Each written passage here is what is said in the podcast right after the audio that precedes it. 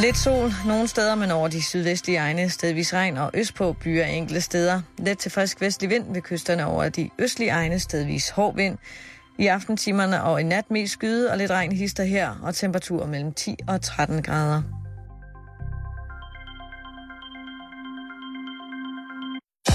Du lytter til Radio 24 /7. Danmarks nyheds- og debatradio. Hør os live eller on demand på radio247.dk.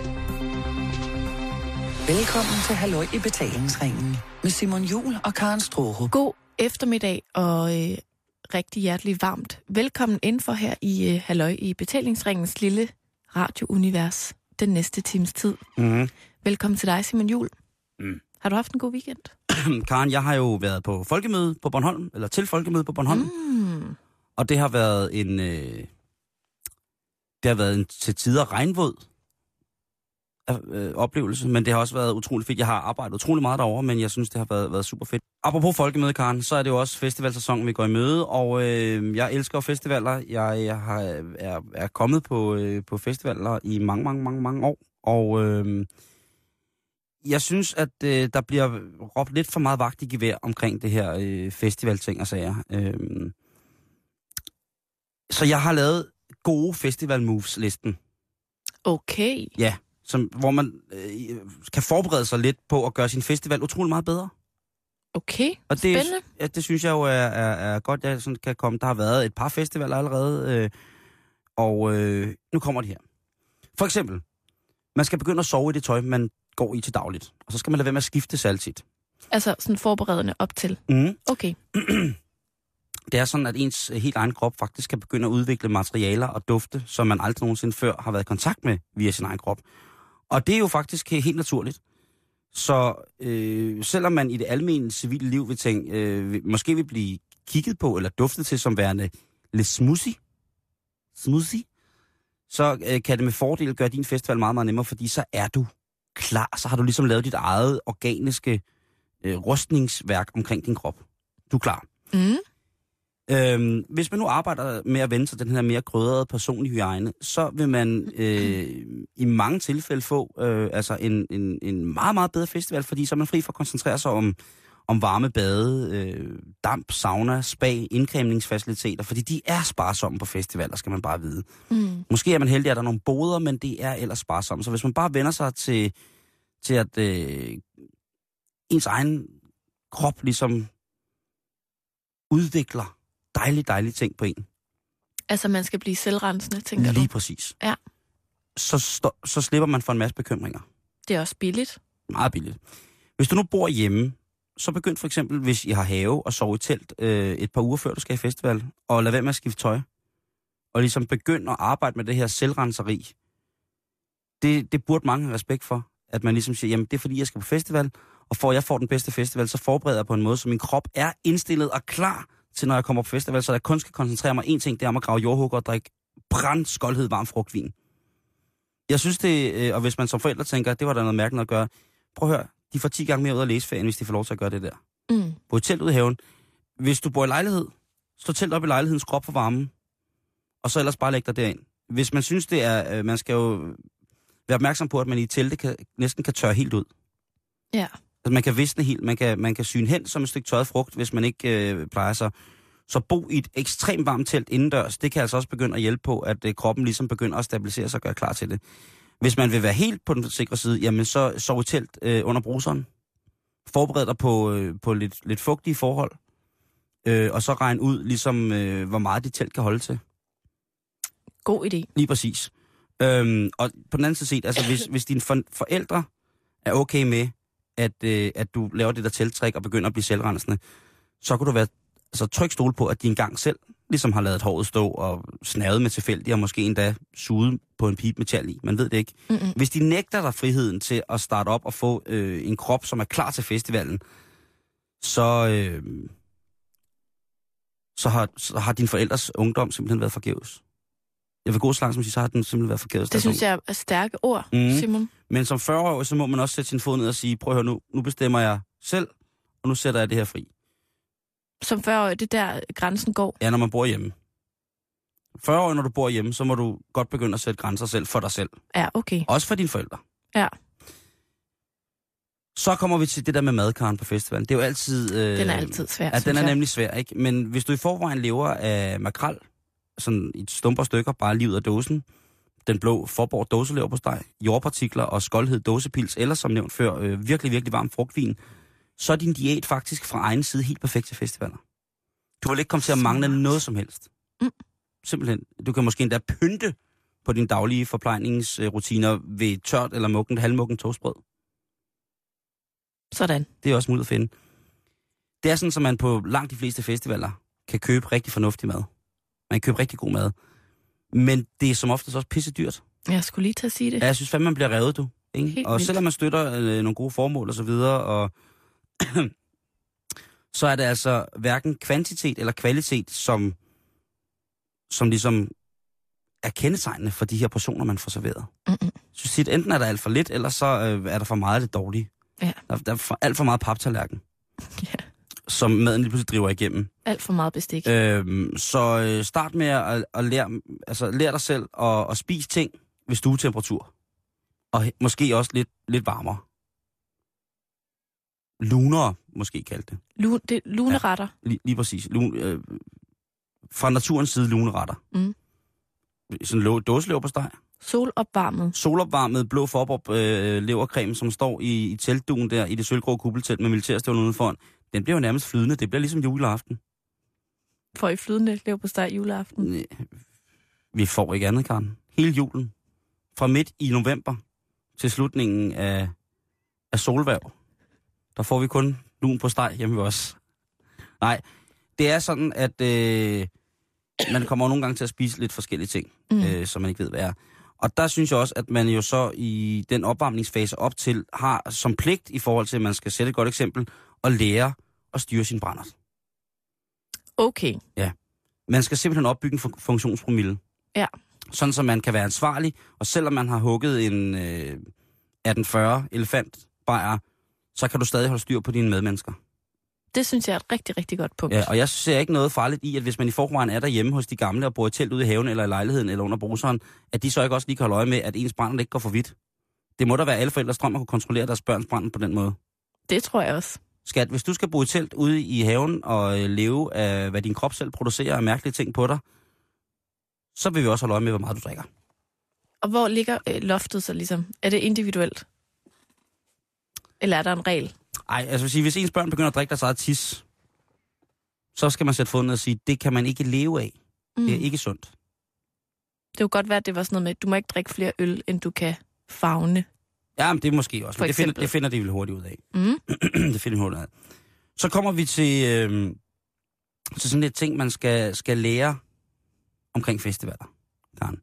Ja. For eksempel det der med at stjæle på festivaler. Generelt at stjæle er noget snavs, men at stjæle folks mad på festivaler, det er simpelthen noget, altså hvis nu man har gået hele vejen fra festivalpladsen op til Netto Ja.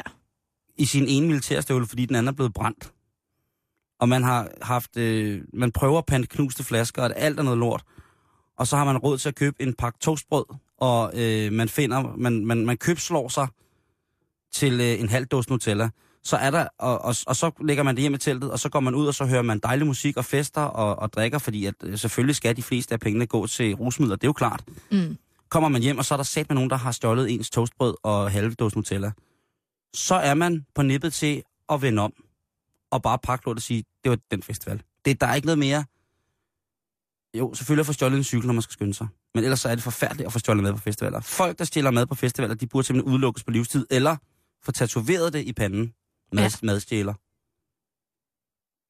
Jamen, det, det ligner heller ikke noget. Ej, jeg synes ikke, det ligner noget.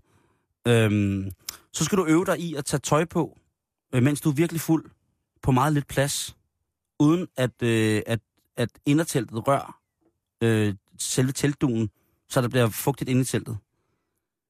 At være meget, meget fuld og ligge på alle fire og tage sit tøj på, Karen. Det, det lyder som en sindssygt sjov ølstafet, det der. Jamen, hvor man kan- skal løbe hen i sådan et lille bitte tomandstelt og skifte tøj. Ja. Og så dreje rundt om en øl ind i teltet, og så ud igen.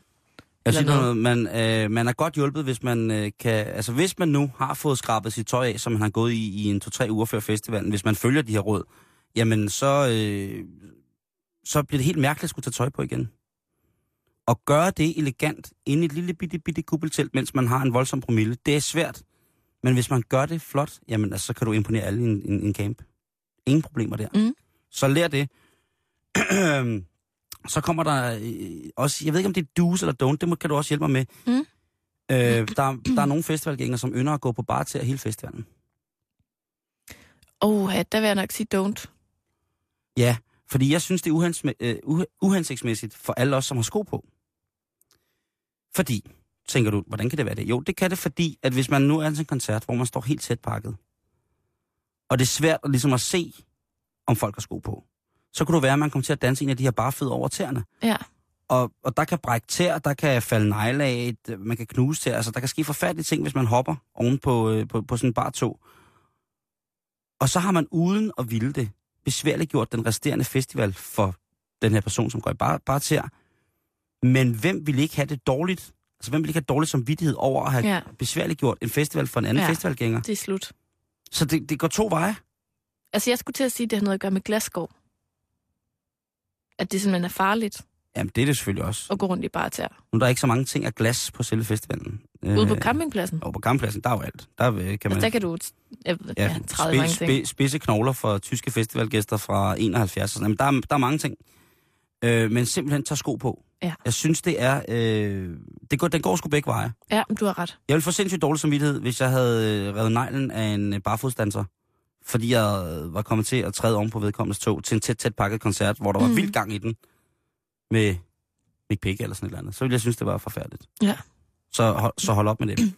øhm, høreskader, dem skal vi også snakke om. Man kan få, hvis al musikken er for høj, eller hvis man har taget det forkerte krokodil, øh, så kan det blive befaldt. Jeg vil bare sige, cigaretskåder, altså cigaretfiltre, de er ret gode som ørepropper.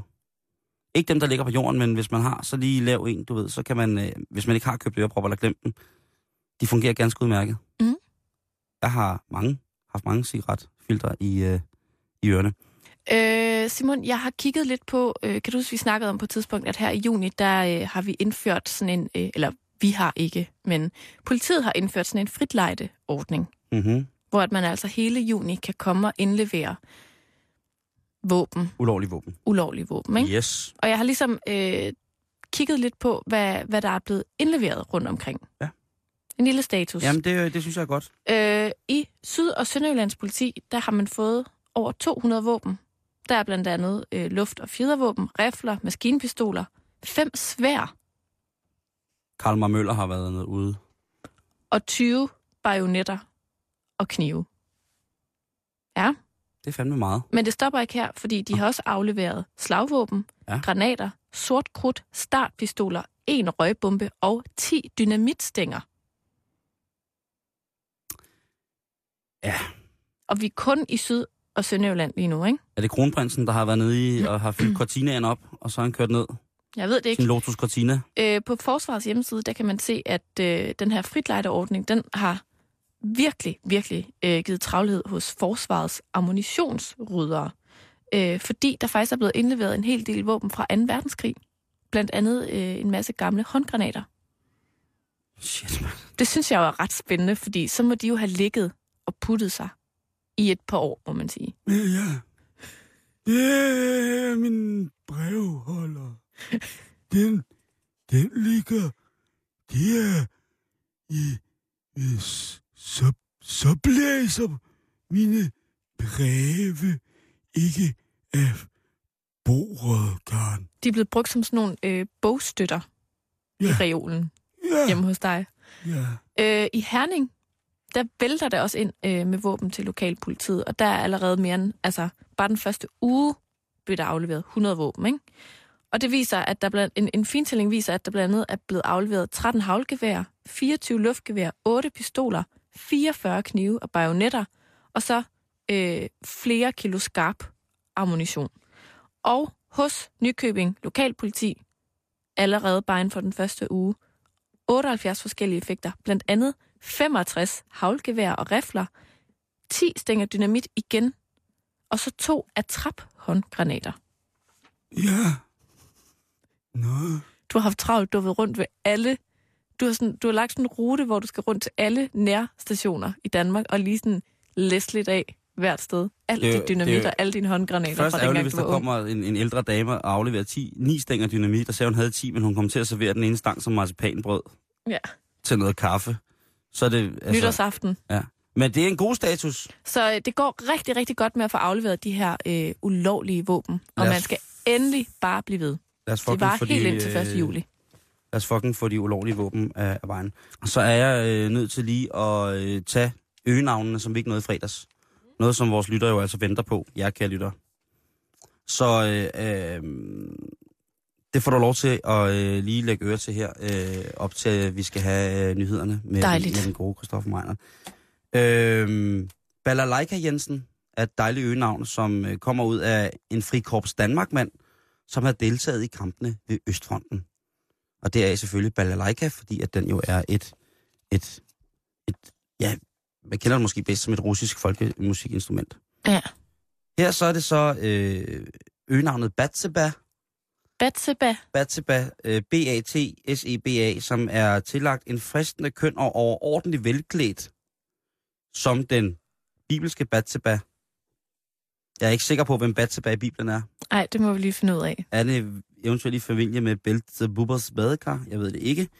Øh, vi ryger videre til det dejlige øgenavn øh, Christian Gas. Ah, han var en sjov en. Nej, han var narkoselæge. Øh, og navnet kom jo af, at han jo i en vis forstand tog gas på folk. Det er jo bare sørgeligt at ligge på hospitalet, og så kan man høre, ja, så skal vi have Christian Gas til fødegangen. Prøv at, den der kan du skrive om til alle tiders vidighed, du kan tage med til festival Til hele sommeren.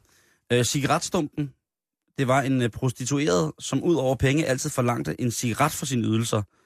Derfor også kendt som ud over cigaretstumpen som cigaretten. Så kunne man lige gå ned og få et skrald fjæsing, og så komme af med en smøg. Prøv, jo- jeg synes, der er mange af de øgenavn, der ligesom refererer til en prostitueret. Jeg frelægger mig et hvert ansvar lige med det samme. Christian Christiansen fra Askholms forlag på en øgenavn, det må være ham, du skal have fat i. Droagurken. Ej. Hans far var, uvist hvorfor, kendt som agurken. Jeg skal lade være med at komme med nogle insinueringer, men stor, grøn og krum. Jeg synes, der foreligger naturlige øh, løsninger på det, på det navn. Cornichonen. Mm, ja, det havde også været, ja, agurkesalaten. Det havde måske været, ja. Øh, og så her er der øh, fliptyren. Og den er svær. Det var en meget velklædt inseminør. Så ud fra, han, Og han havde store flipper på skjorten måske. mens han inseminerede Ja, tyre. Nej, var. Ah, nok ikke. Det var ikke pas.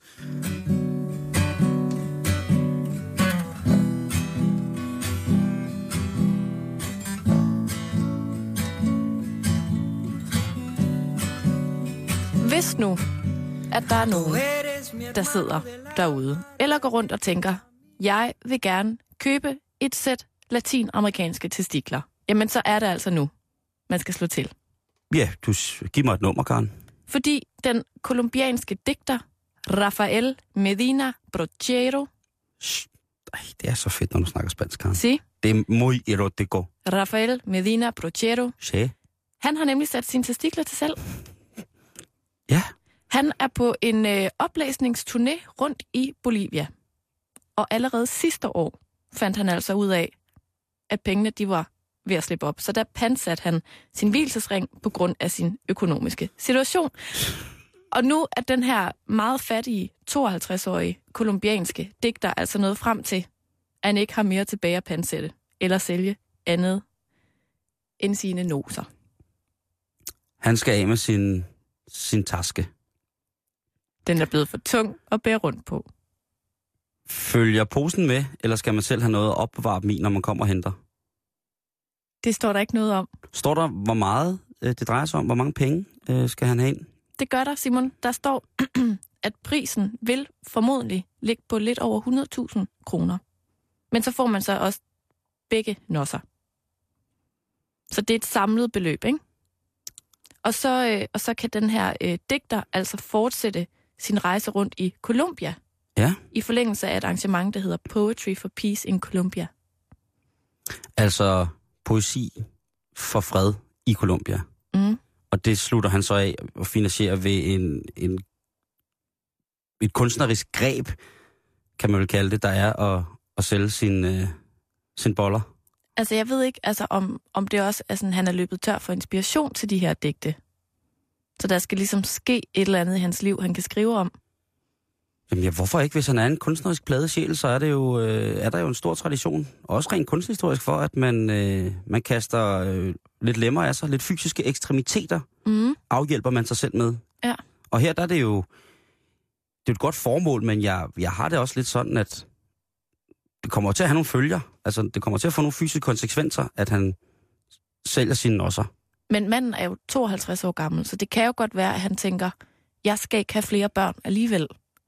Nu er der nogle andre, der kan få glæde. Og er det ikke også noget med, at der rent øh, hormonmæssigt er noget, øh, noget produktion, øh, der har med mandens testikler at gøre? Ah, jo, sikkert. Sikkert. Men jeg tænker jo bare, Simon, Det kan at være- det kan jo også være, at der er nogen, der kender nogen, der, der kunne rigtig godt have at få et par nosser. Så er det jo altid at skæve idé. Jeg vil jo sige, at øh, jeg på folkemødet hørte nogle debatter med nogle folk, som ellers er fremtrædende i det politiske miljø, som måske eventuelt godt... Øh, jeg siger ikke, at de ikke har nosser, men jeg siger, at de kunne måske godt trænge til lidt mere nosser. Altså, man skal jo tænke på, at det er et sæt latinamerikanske nosser, ikke? Mm. Muy, muy, Erotico. sige, Ja. og, og macho. Ja, ja, ja, ja, for fanden. Ikke? Altså har du... Øh, jeg, jeg har aldrig hørt om nossetransplantation. Men hvis man kunne få et lille pund latin i sig, hvem ved, om man ikke så på diverse salsakurser måske ville være det største hit nogensinde, eller merengue. Så det er sådan nosse med indbygget rytmer i. Mm. Og hvis man er funk-bassist og spiller slagbas, så skal man ikke få dem for at kunne spille nosse-funk. Glem det. Det er der Ja. ikke brug for lige nu. Det kan jo også være, at man er ked af, at der ikke er mere øh, behåring dernede. Og der tænker jeg umiddelbart, at det kan være, der følger lidt sådan lidt, lidt, øh, lidt mørk, mørk glød med. Åh, Hvis du du, du, taler om, nu taler vi altså om, at vi i bogstavelig forstand får hele posen. Ja, det tænker jeg da. Jeg tænker, at det, det er hele pakken. Det er jo tit sådan, at når mænd de får i henhold til testikelkraft for fjernet deres testikler, så fjerner man jo ikke øh, pursen. Ah, nej. Nej. nej, så kan man lægge en protese i. Nemlig, ja. Bitte Uh. purs, den bliver serende. Og så øh, får man lige en, øh, en bitte nø eller noget inde i. Noget trylledej. øh, men, men selvfølgelig, jeg tror, vi skal langt over 100.000, hvis vi skal have, have huden om selve nost, altså selve pursen med. Det kan være, at man bare kan købe huden. Nu bliver det meget mærkeligt. Ja. Men, Men- det er jo i starten mærkeligt. 100.000 skal man altså lige spare sammen, hvis man er interesseret i at købe øh, digteren, nu skal jeg se, hvad det var, han hed, Rafael. Rafael Medina Brochero. Se. Og Karen, du har jo boet i Sydamerika. Ja. Øhm, og hvad er det, der er med det? Der har vi har jo før haft i erotisk kunst op, at den her øh, både unge pige og unge mand ville sælge deres, øh, deres skød til, til højst bydende for at redde noget familie eller et eller andet, ikke? Ja. Hvad, øh, hvorfor, har du nogen idé om, hvad tendensen er i forhold til? er Det, fordi det er jo meget macho på den her måde, både for kvinder og for mænd, om ofre sig på den her måde, ikke? Jo. For man, man siger jo, for dem, som, øh, som jo bor i de her lande, som jo oftest, øh, der er mange katolikker, og der er mange kristne, øh, ligesom siger, jamen det her, det er øh, det dyrebareste, min dyd, som jo ellers kun skulle tilgå øh, den første og eneste mand i deres liv, eller kvinde i deres liv. Altså det, er, det har en symbolsk værdi, som er voldsom, og de Mm. sætter det til salg. Øh, nu er det altså selve testiklerne, der bliver sat til salg, ikke? Øh, er det, det ren desperation, øh, tror du? Altså, uden at vide det selvfølgelig, så Mm. tænker jeg, at det, de har til fælles, dem vi ligesom har snakket om, ja. der sælger mærkelige ting, der har noget med sex at gøre, ikke? Mm. de er alle sammen mega fattige. Ja. Og at de ved, at der står en eller anden, undskyld jeg siger det, fucked up køber i den anden ende. Ja. Der skal jo nok være en, der vil betale 100.000 kroner for et, et sæt latinamerikanske nosser. Ja, det er der. Og hvis ikke, så er det den samme Wonderful. japanske mand, som tog hende der, den 15-årige brasilianske øh, jomfru med op i et fly, for at tage hendes møde om for hvad? Et par millioner eller sådan Ja, noget. det var helt vildt. Altså, Altså, der, der de fik de jo- fattige jo heller ikke alle pengene. Hun fik jo lidt... Hun fik øh, koldt skrev på et Altså, tidspunkt, ikke? Hvis jeg skulle vælge, så ville jeg helt klart støtte digteren. Ja. Som ligesom er ude og vandre med sin poesi, ikke? Men Ja. jeg tror, det er det der med, at de ved, at ja, internettet nok skal hjælpe dem med at finde en ny ejermand til deres enten kropsåbning eller kønsdel. Shit, det er hardcore shit. Det er, hvad det er.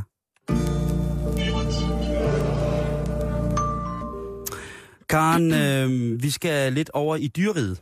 Fordi Fedt. at, øh, ja, det viser sig, at øh, hundblæksprutter, de er fuldstændig tosset med sperm. Ja, Ikke bare sådan som for ligesom at blive befrugtet, det er de selvfølgelig også glade for, men faktisk som en form for gratis frokost. altså er det alt slags sperm, eller er det blæksprutesperm? Ej, jeg tror, det er, det er blæks, handblækspruttens øh, lystige dråber, som, øh, som, som de er glade for. Livssaften. Ja, lige præcis. Øhm, biologer de har øh, opdaget, at hundblæksprutten ofte spiser hannerne sæd, i stedet for at blive befrugtet af den. Og det øh, tænker man sådan, det var da lidt mærkeligt. Ja. Øhm, jeg ved, øh, tror og håber på også, at øh, der er øh, dele af menneskelige kvindelige race, som nyder fuldstændig samme måde at, at få et proteintilskud på. Men jeg siger bare, det her det er sådan, at blæksprutter, han, øh, de øh, får jo ligesom afleveret sæden i, i, i sådan nogle små pakker. Så kan man tage sådan lidt, det er sådan lidt en pakkekalender, ikke?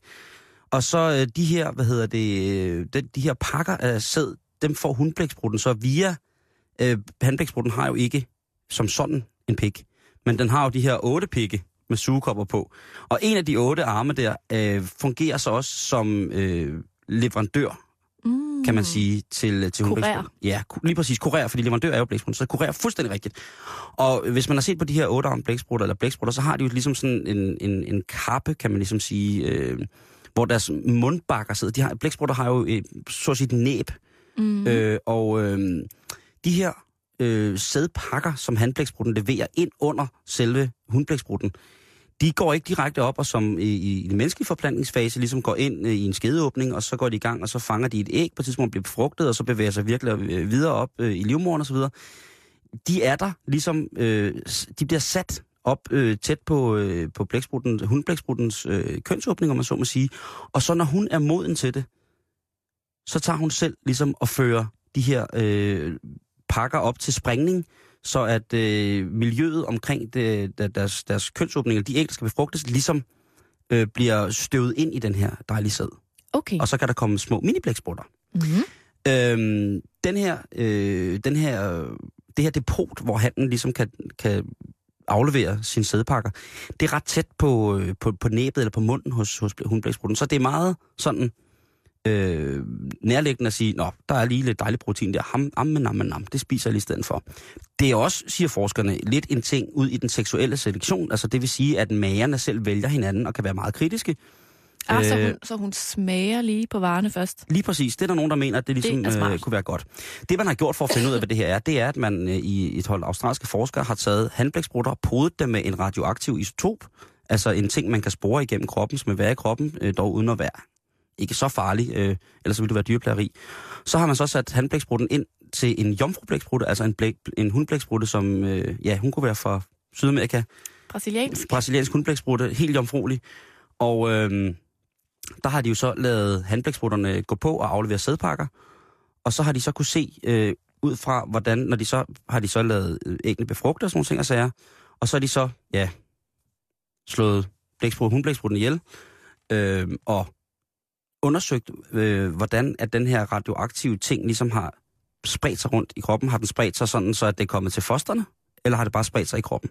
Mm. Og der har man så fundet ud af, at flere gange, der øh, vælger øh, hundblæksprutten, altså at lade handblæksprutten gå amok, skyde alle sine sædpakker ind i hendes, øh, under hendes lille kappe, som det faktisk hedder. Og øh, så har hun bare gået og guflet af dem. Og så har han gået rundt i uvidshed imens, og ikke vidst, om man skulle være far, eller Og de er ikke så om skide... hun bare legede med ham, eller... Ja, hun har skrevet og skrevet ind til vi, vi unge blæksprutter. Ja.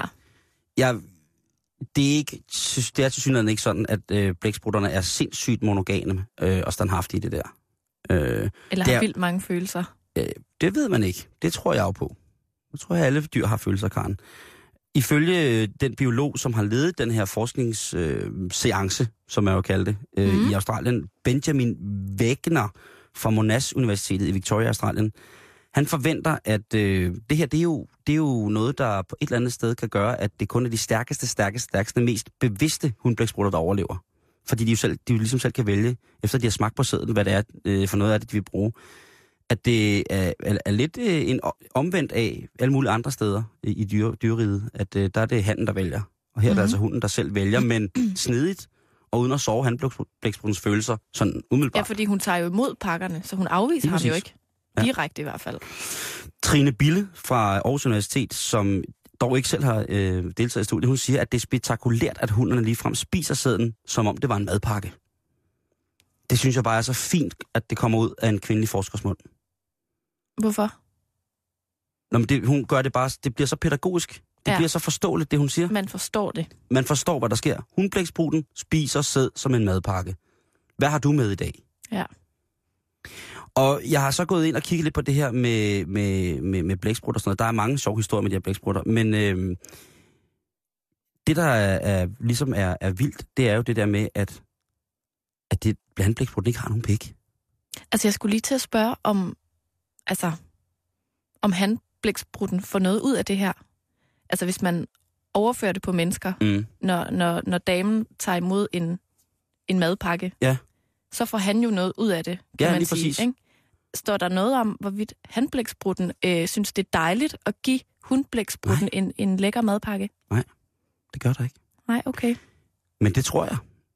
Men det er også derfor, hvor jeg synes, at hundblæksprutten er så sød. Ja, Fordi hun så at sige åbner op.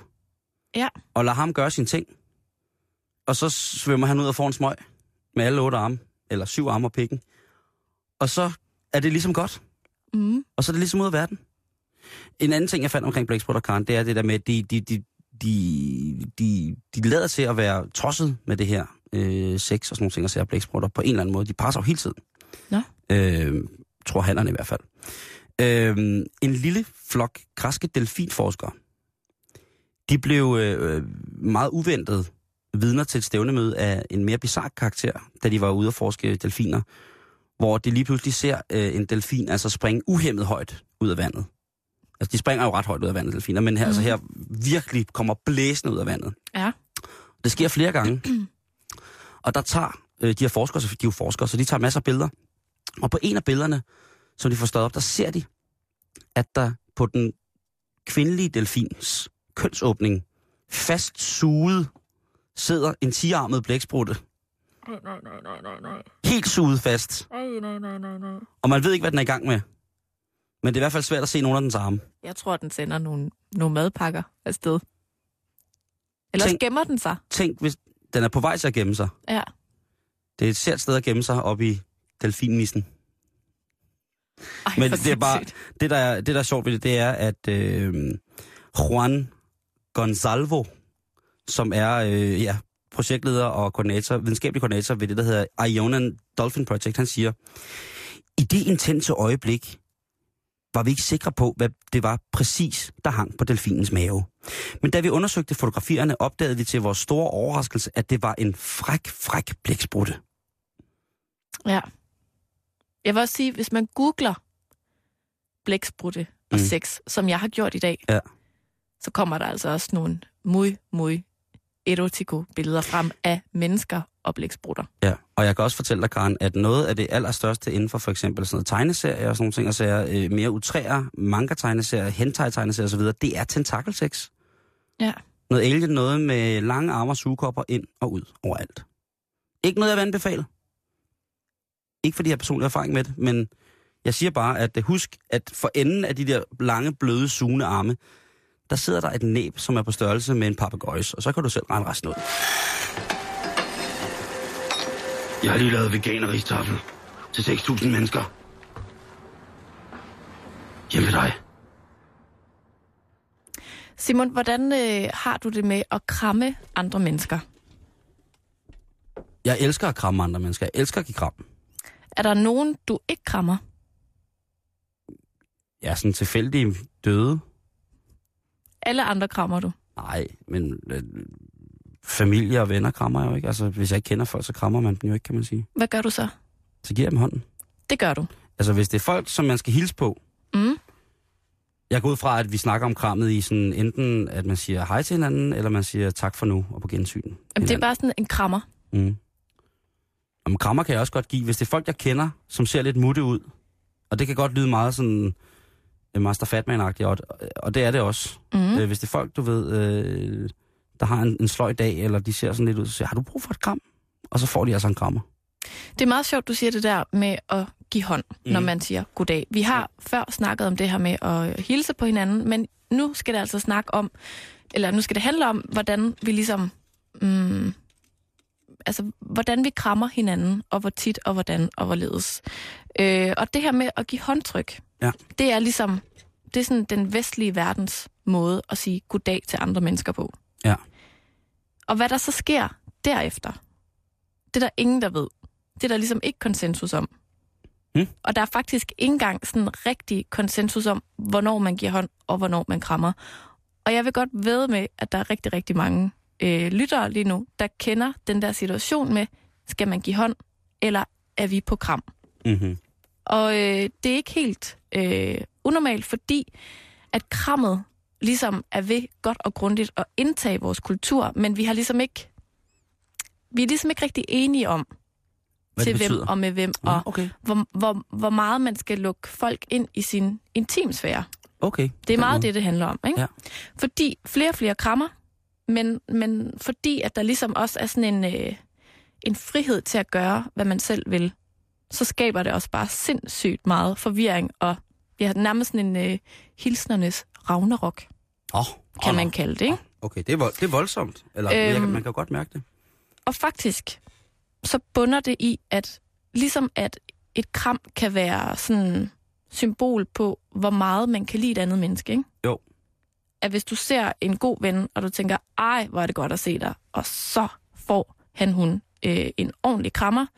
På samme måde, så kan det faktisk også være øh, den største afvisning overhovedet ved, når du ikke giver en krammer. Ja.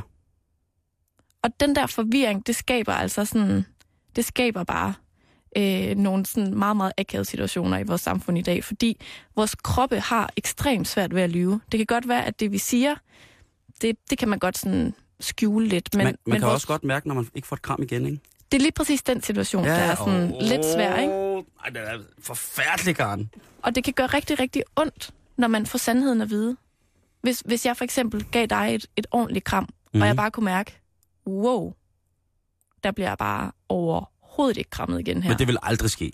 Jamen, det ved jeg godt, men jeg har prøvet det med andre Okay. end dig. Har du? Vil jeg sige. Jeg har krammet andre end dig, Simon. Nej. Jo. Men det er det her med, sådan, hvordan vi siger goddag og farvel og så videre. Og så, som jeg sagde før, altså et kram og hvor meget man krammer, det handler om, hvor langt vil jeg lukke dig ind i min intimsfære. Ja. Hvor tæt skal vi to på hinanden fysisk. Øhm, og det definerer jo på en eller anden måde vores tilhørsforhold, ikke? For jeg krammer dig tættere, end jeg krammer nogle af mine andre venner, Mm. for eksempel. Jo. Har du ikke også nogen, du krammer lidt mere end andre? Eller lidt mindre end andre? Altså, jeg gør jo alt, hvad jeg kan for at kramme igennem hver- en, hver- en, ved enhver lejlighed. Mm.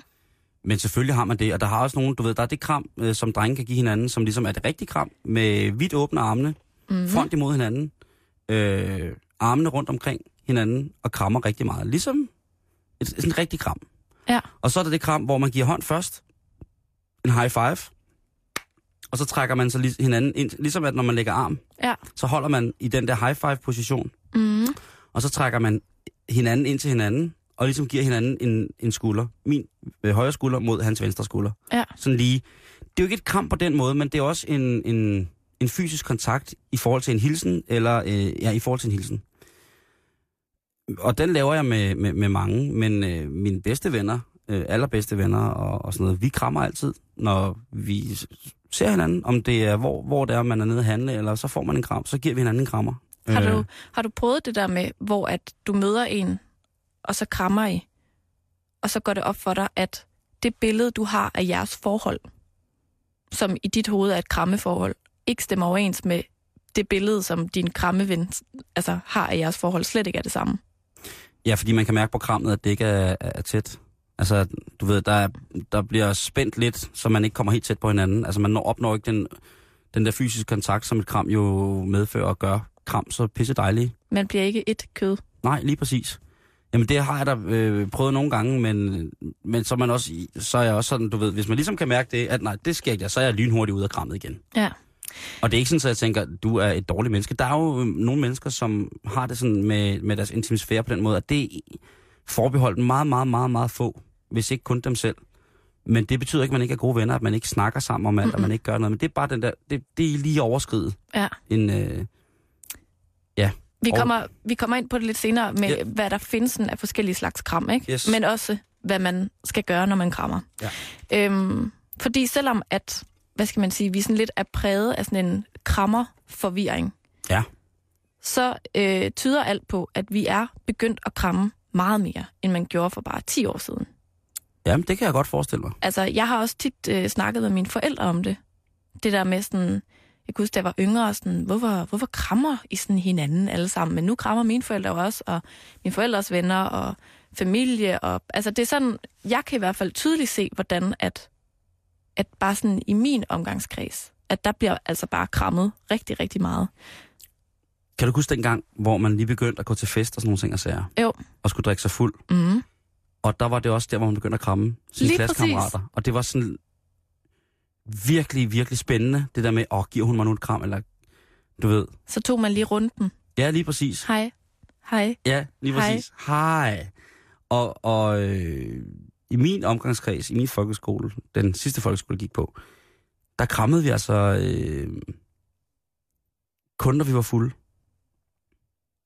Altså, jeg krammede jo hver dag, når jeg kom i skole, og hver dag, når jeg tog hjem fra skolen. Det Vi gjorde- krammede ekstremt meget. Jamen, måske er det også mere øh, med, med, hvad hedder det, en pigeting der i starten af, af, af, af, altså, hvad kan man sige, præ årene, fordi at der er også, det er jo ikke nogen hemmelighed, at øh, piger, øh, som oftest er langt længere fremme i det der socialiseren, øh, kom tæt på hinanden, mm. Sådan nogle ting, ikke? Så nej, men øh, da jeg så kom i gymnasiet, så var det fucking krammer, ikke? Ja. Og så var det, og så var det også meget for det der med, at øh, jeg så meget op til Master Fatman der. Og de ting, han gik og lavede, og, og det var sådan noget med, at du kommer, giver du ikke en krammer. Der var det sådan lidt, at give en krammer, det var sådan lidt en sjov sætning. Ja. Giver du ikke en krammer? Mm. Øh, jo. Og vi er også tilbage ved det der med, det kan jeg da huske, ikke? At lige så fantastisk det var at få en krammer af ham der eller hende der, lige så ondt gjorde det, når der kom en til et selskab, og alle fik en krammer, Undtagen. undtagen dig. Fordi vi var bare på sådan, hej, hej. Men igen, vi kommer Men så har det tilbage, været, fordi han har været vild med dig. måske, mm-hmm. Måske. Men sandheden er i hvert fald, at vi rører meget mere ved hinanden. Vi krammer meget mere. Og der er sådan lidt forskellige bud på, hvorfor. Der er selvfølgelig en masse sociologer i gang med ligesom at, at tænke over det her. Og der øh, er nogen, der siger, at det er de sociale mediers skyld, at vi i det hele taget sådan føler, at vi, vi er tættere forbundet. Øhm, så er der nogen, der mener, at det ligesom er sådan en feminisering af, af samfundet. Mm. Øh, finanskrisens nyfolkelighed, fucking flink bevægelsen, øh, fattigdomssolidaritet, og så faktisk også, Simon, øh, påvirkning fra hiphop og basketballkulturen, er der også nogen, der mener er i spil. Det er jo lidt den der, du nævnte før med, hvor at man lægger arm, samtidig med, at man lige, altså man er lidt mere sådan, Shoulder to shoulder. ja, lige præcis. Ja, low five, shoulder to shoulder. Hvad hedder det? Ja, jamen det. Alle teorier er bare sådan, eller alle de her øh, bud på, hvad det ligesom skyldes, øh, de er i hvert fald enige om en ting, og det er, at vi alle sammen elsker at kramme. Og der er også rigtig meget, der, vi, altså, der, der tyder på, at det virker, at vi bliver simpelthen gladere og mere kærlige af at kramme. Og vi vil rigtig, rigtig gerne kramme.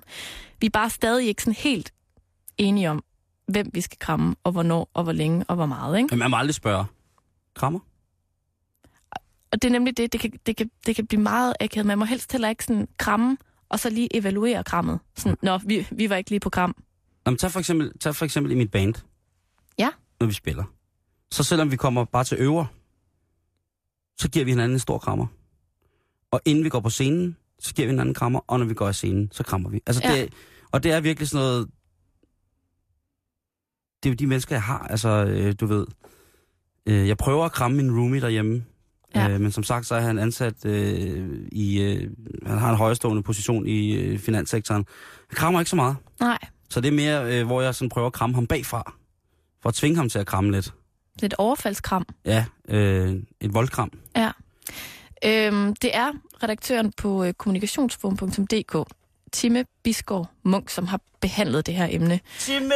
Øh, og hvis man vil øh, læse meget mere om det her, så kan man altså gå ind på kforum.dk og så læse den her ret sjove artikel. Og jeg bringer lige øh, nogle af hans øh, bud på evigt gyldige krammeregler. Sådan. Jeg synes ikke, vi kan øh, tage det her emne op, uden os at komme med lidt tips og tricks. Det synes jeg er en god... Ja, det er fantastisk. Tid. Så helt generelt, så må en krammer aldrig vare mere end 3 sekunder. Det er meget sort-hvidt, ikke? Det kommer oh. an på, hvem du krammer. Men hvis nu det for eksempel er en, du ikke kender så godt. Igen det der med lige at tune sig ind på hinanden. Krammer jeg overhovedet en, der har lyst til at blive krammet af mig? Oh, ja. Men Hvis det er ikke, jo, så bare hold den til 3 sekunder. er Ikke? jo også det sjoveste at se på i verden. Så skal man passe på armene. Man må ikke kramme alt for hårdt. Nej. Det kan blive meget ubehageligt. Så skal man passe på, hvor man har sine hænder. Jo længere ned af ryggen, ned mod øh, lænden, Mm. længere ned mod ballerne, for eksempel, hofterne. Det skal man passe lidt på med, fordi det bliver meget hurtigt, meget intimt. Ja. Så må man aldrig, aldrig, aldrig kramme nogen, man møder ude på toilettet. Man må ikke kramme på toilettet. Det er jo noget vås. Hvorfor? Det skal fandme være en god grund til, hvorfor man ikke må kramme på toilettet. Fordi at det er sådan et meget intimt rum. Man, man kan lige hilse på hinanden, men man skal ikke begynde at kramme. Og hvad nu, hvis der er nogen, der ikke har vasket hænder og alt sådan noget, ikke? Så er vi tilbage ved det her med, at man, man skal helst ikke tale om krammet. Og kramme, det er noget, man gør. Det er ikke noget, man taler om. Det er et meget stort tabu, det der med at give et dårligt kram. Man, man, man, man pointerer det jo heller ikke, hvis man får sådan en rigtig slattent håndtryk. Så siger man heller ikke, det var godt nok et slattent håndtryk, du gav mig Det har der. jeg da tit gjort. Har du? Ja. Hvad siger folk til det? Undskyld. Ja, som regel. Ja, okay. Eller slip mig. Eller au, au, au. Ja, okay. au. øhm, så skal man kramme løs. Man skal ikke være nærig med kram. Man skal hellere kramme for meget, end kramme for lidt. Så næste gang, Simon, at du kommer til for eksempel øh, et party, eller du er på klubben, Ja.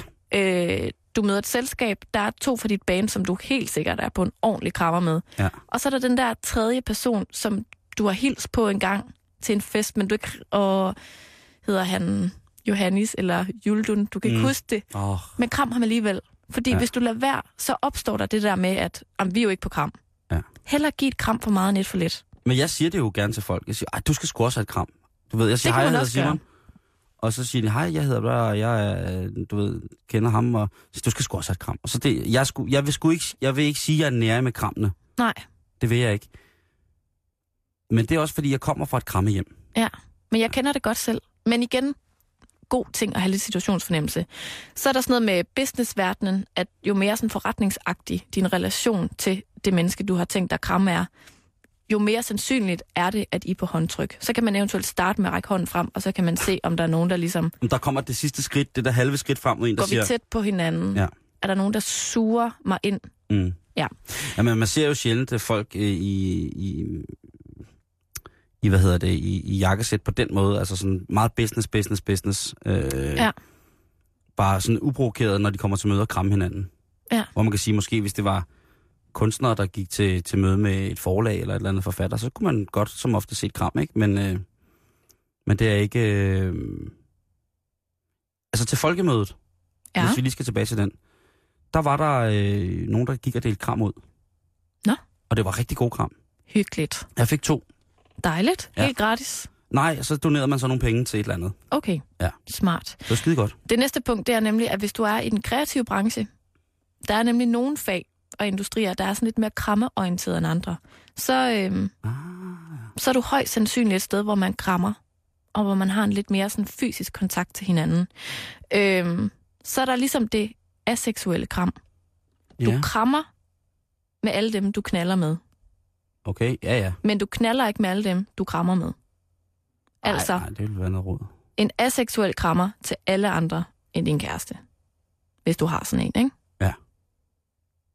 Jamen, det er meget godt at vide. Altså, det er, sådan, det er også sådan en meget god øh, tommelfingerregel. Og så til allersidst, så skal du huske at eje dit kram. Hvis du først har ligesom sat dig for at kramme nogen, så skal du kramme. Own your hug.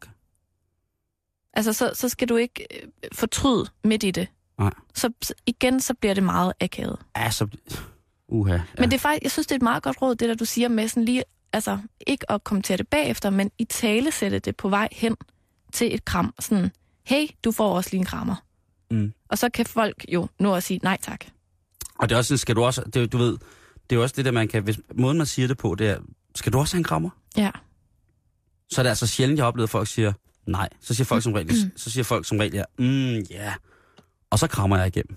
Altså, nogle gange, så kan jeg godt savne lidt det der med gamle dage, hvor man bare gav hånd. Altså, jeg kan rigtig godt lide at kramme, Mm. men jeg er ikke så god til de der akavede situationer, Jeg hvor man ikke ved, om man skal kramme eller give hånd, hvor at på en eller anden måde tænker jeg nogle gange, at det var nemmere i gamle dage, hvor man vidste, at man bare gav hånd.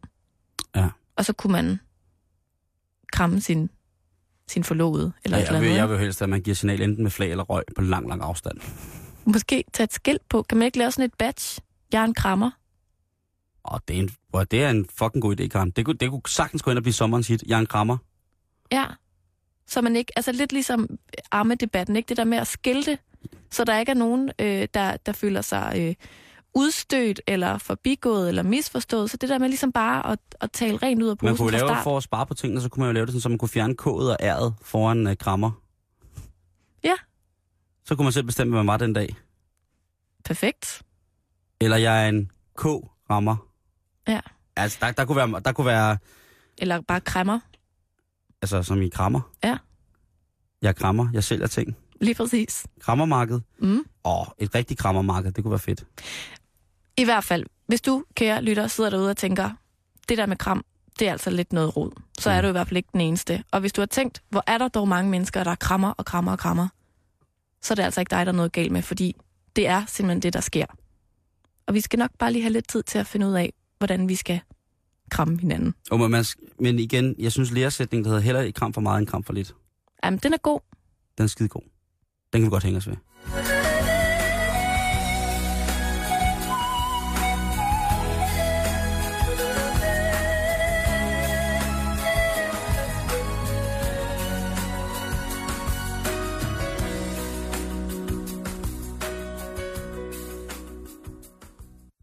Danske kvinder vil have kvindelige rollemodeller. Ikke supermodeller. Danske kvinder ved, at mode forgår, men stil består. Danske kvinder kan selv og vil selv. Danske kvinder ved, at ægte skønhed, den kommer indenfra. Danske kvinder er klogere end mænd. Punktum. Mit navn er Rasmus Brun. Og jeg hedder Frederik Silius. Vi har sat os for at gøre jer kvinder en kæmpe tjeneste og skabe Danmarks første intelligente dameblad. Det findes nemlig ikke, og det er der rigtig mange kvinder, som er rigtig godt og grundigt træt af. Damernes Magasin er Danmarks første intelligente dameblad. Og hvis du vil være med til at skabe historie, så skal du lytte med, når vi gør det umuligt og laver bladet helt fra bunden. Lyt med fra mandag den 8. juli og alle hverdage mellem 13 og 14 her på Radio 24 /7. Den var god for